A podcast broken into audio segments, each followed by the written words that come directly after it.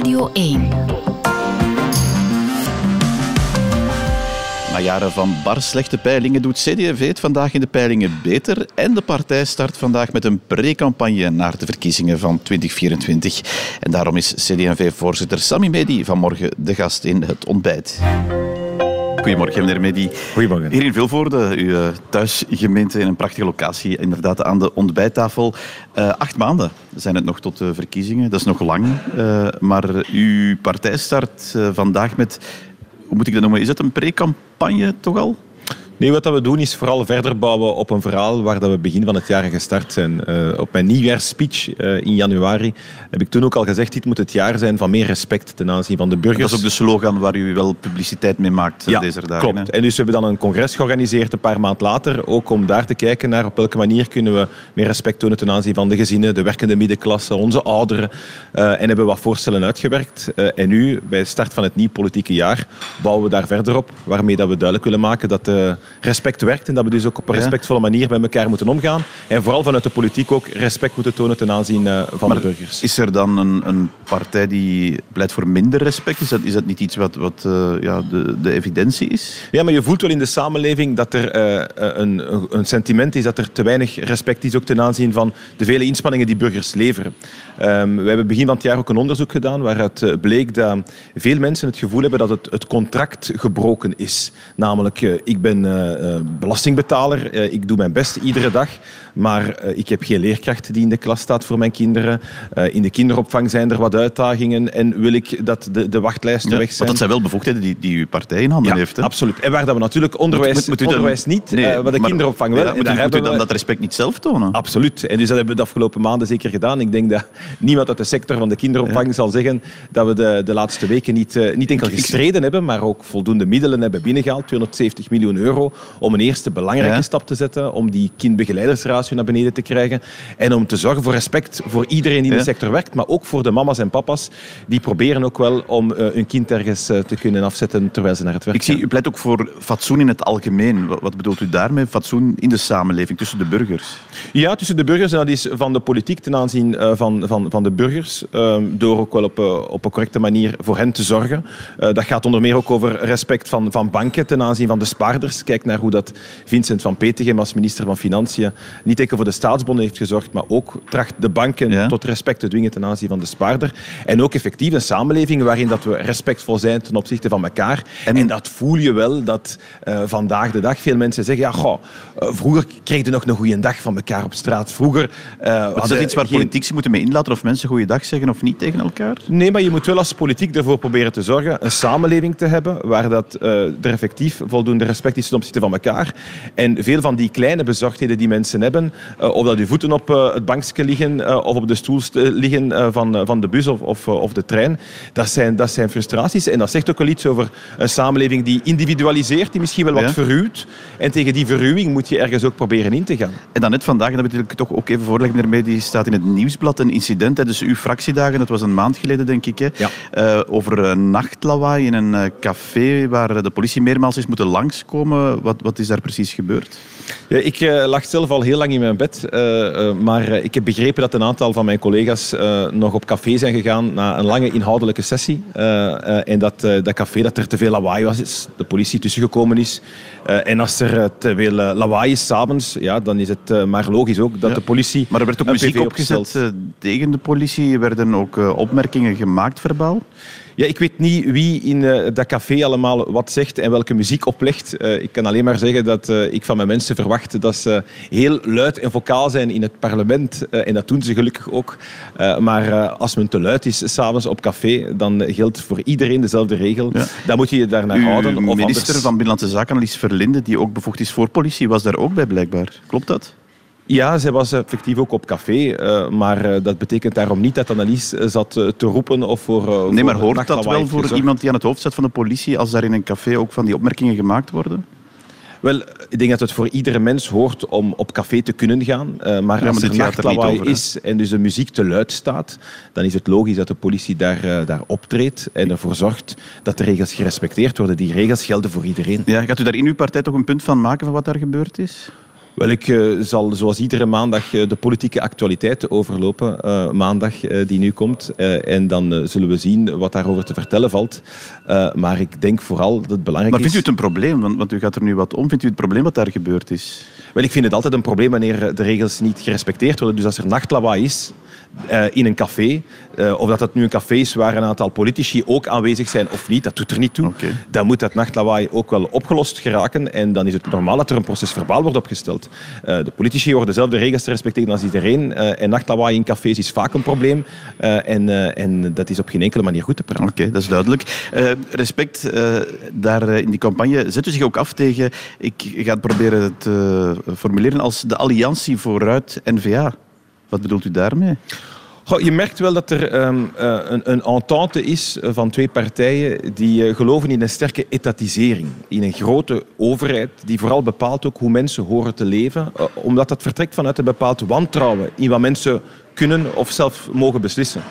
Kijk naar de kinderbijslag en naar de discussie in welke mate je mensen hun koopkracht van gezinnen, uh, of in welke mate dat je die koopkracht niet moet zelf bij de overheid trekken, omdat men niet zeker is wat mensen met dat geld gaan doen.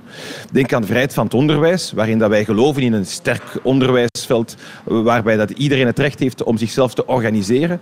Waarbij sommigen zeggen, goh, zouden we niet moeten weghalen en moeten gaan tot één vorm van staatsonderwijs. Maar u zegt, er is een as, N-VA vooruit, die, die daar uh, ja, tegenin gaat, tegen wat wij willen?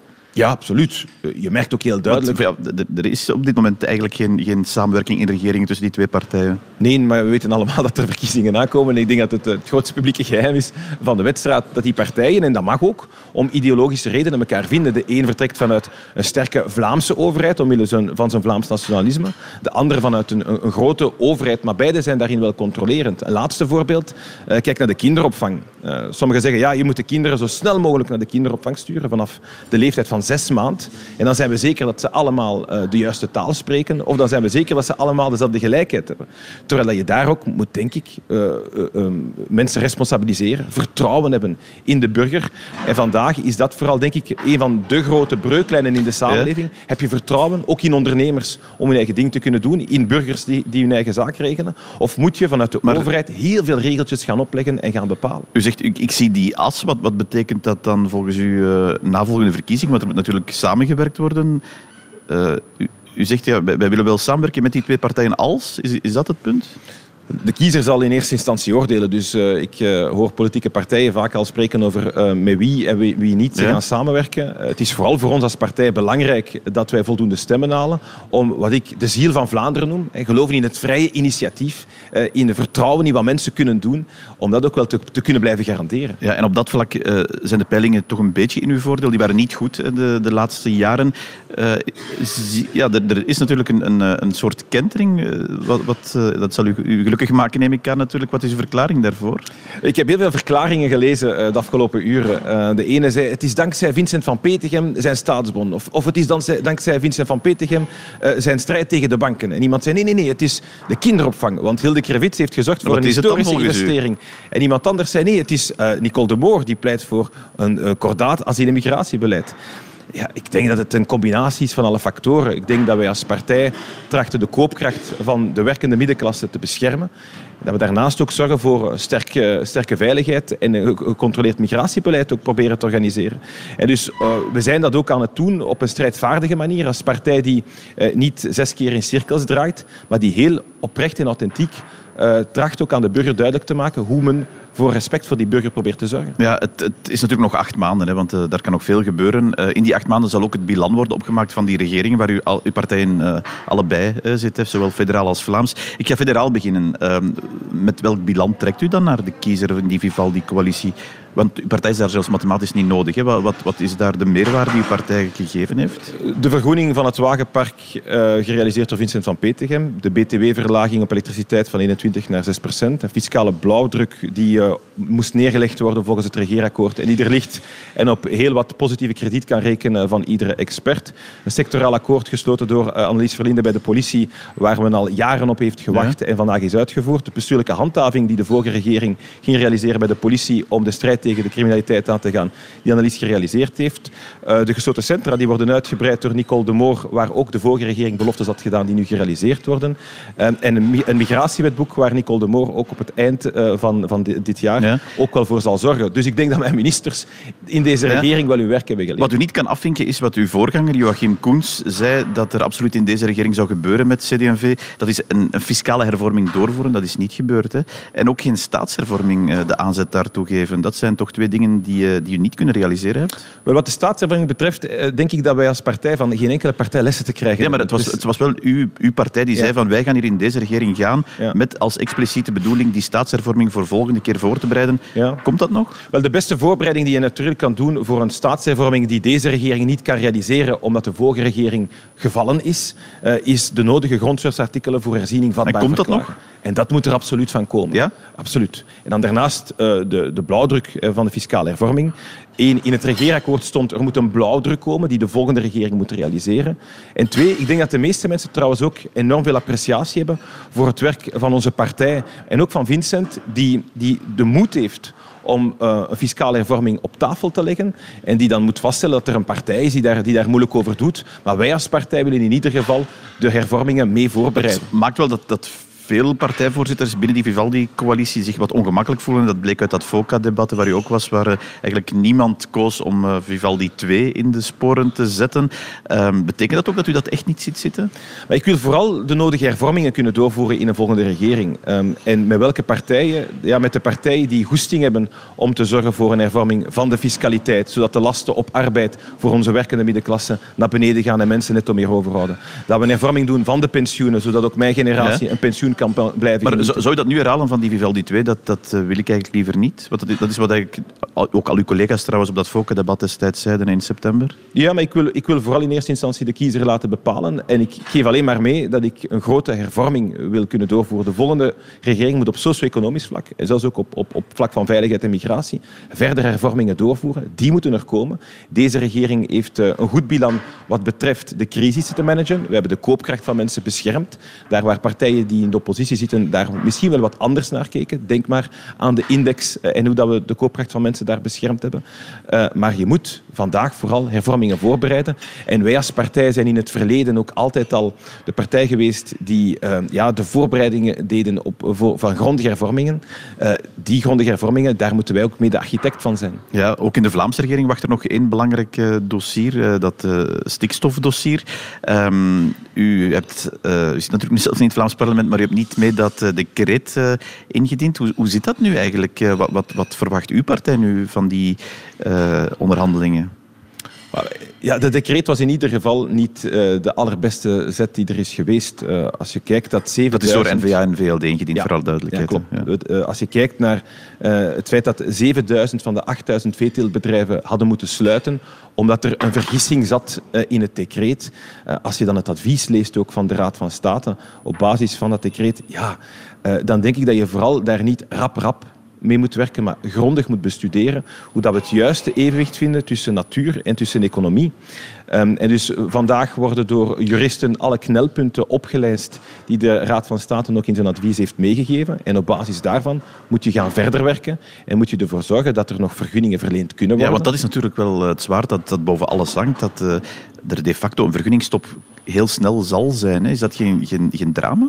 En vandaar het belang om het werk grondig te doen. En ervoor te maar vooral zorgen... ook niet snel? Moet dat vooral ook niet snel gebeuren om dat te voorkomen? Maar als je het snel doet, zoals gebeurd is uh, deze zomer, uh, dan krijg je niks anders dan uh, een, een decreet dat via het Grondwettelijk Hof opnieuw de prullenmand ja, in balans. is, is het uh, en dan alternatief heb, dat er dan die dan heb je helemaal komt natuurlijk. Hè? Dus absoluut, je mag niet niets hebben, maar je moet je werk grondig voorbereiden en er dan voor zorgen dat je uh, zuurstof kunt geven aan je ondernemingen. Dat we ervoor zorgen dat onze landbouwers, die de meest duurzame zijn van gans de wereld, dat die kunnen blijven boeren, zodat ons eten van hier blijft komen. Maar dat we er ook voor zorgen dat iedere ondernemer KMO of een groot bedrijf die hier in België wenst te investeren of die hier is grootgebracht en ze, ze uh, wil investeringen doen, ja, dat die ook de mogelijkheid heeft om dat te blijven doen.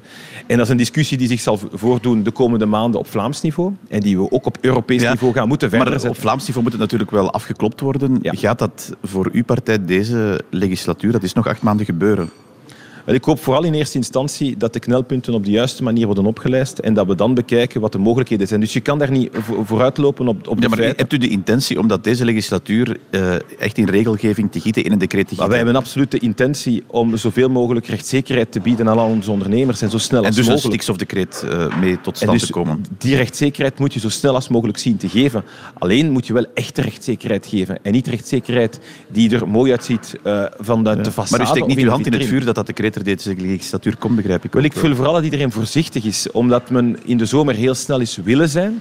En daarmee vooral uh, de onzekerheid heeft verlengd. En dus laten we grondig samenwerken. Ik ben er ook oprecht van overtuigd dat we met alle meerderheidspartijen, dus ook met N-VA en VLD, uh, dat we vandaag ook wel alle drie beseffen hoe belangrijk het is om dat werk grondig te doen. En dan zullen we uh, hopelijk daar zo snel mogelijk met een antwoord kunnen komen. Ik wil eindigen met u één ding nog voor te leggen uit ons eigen huis, de VRT, meneer Medi.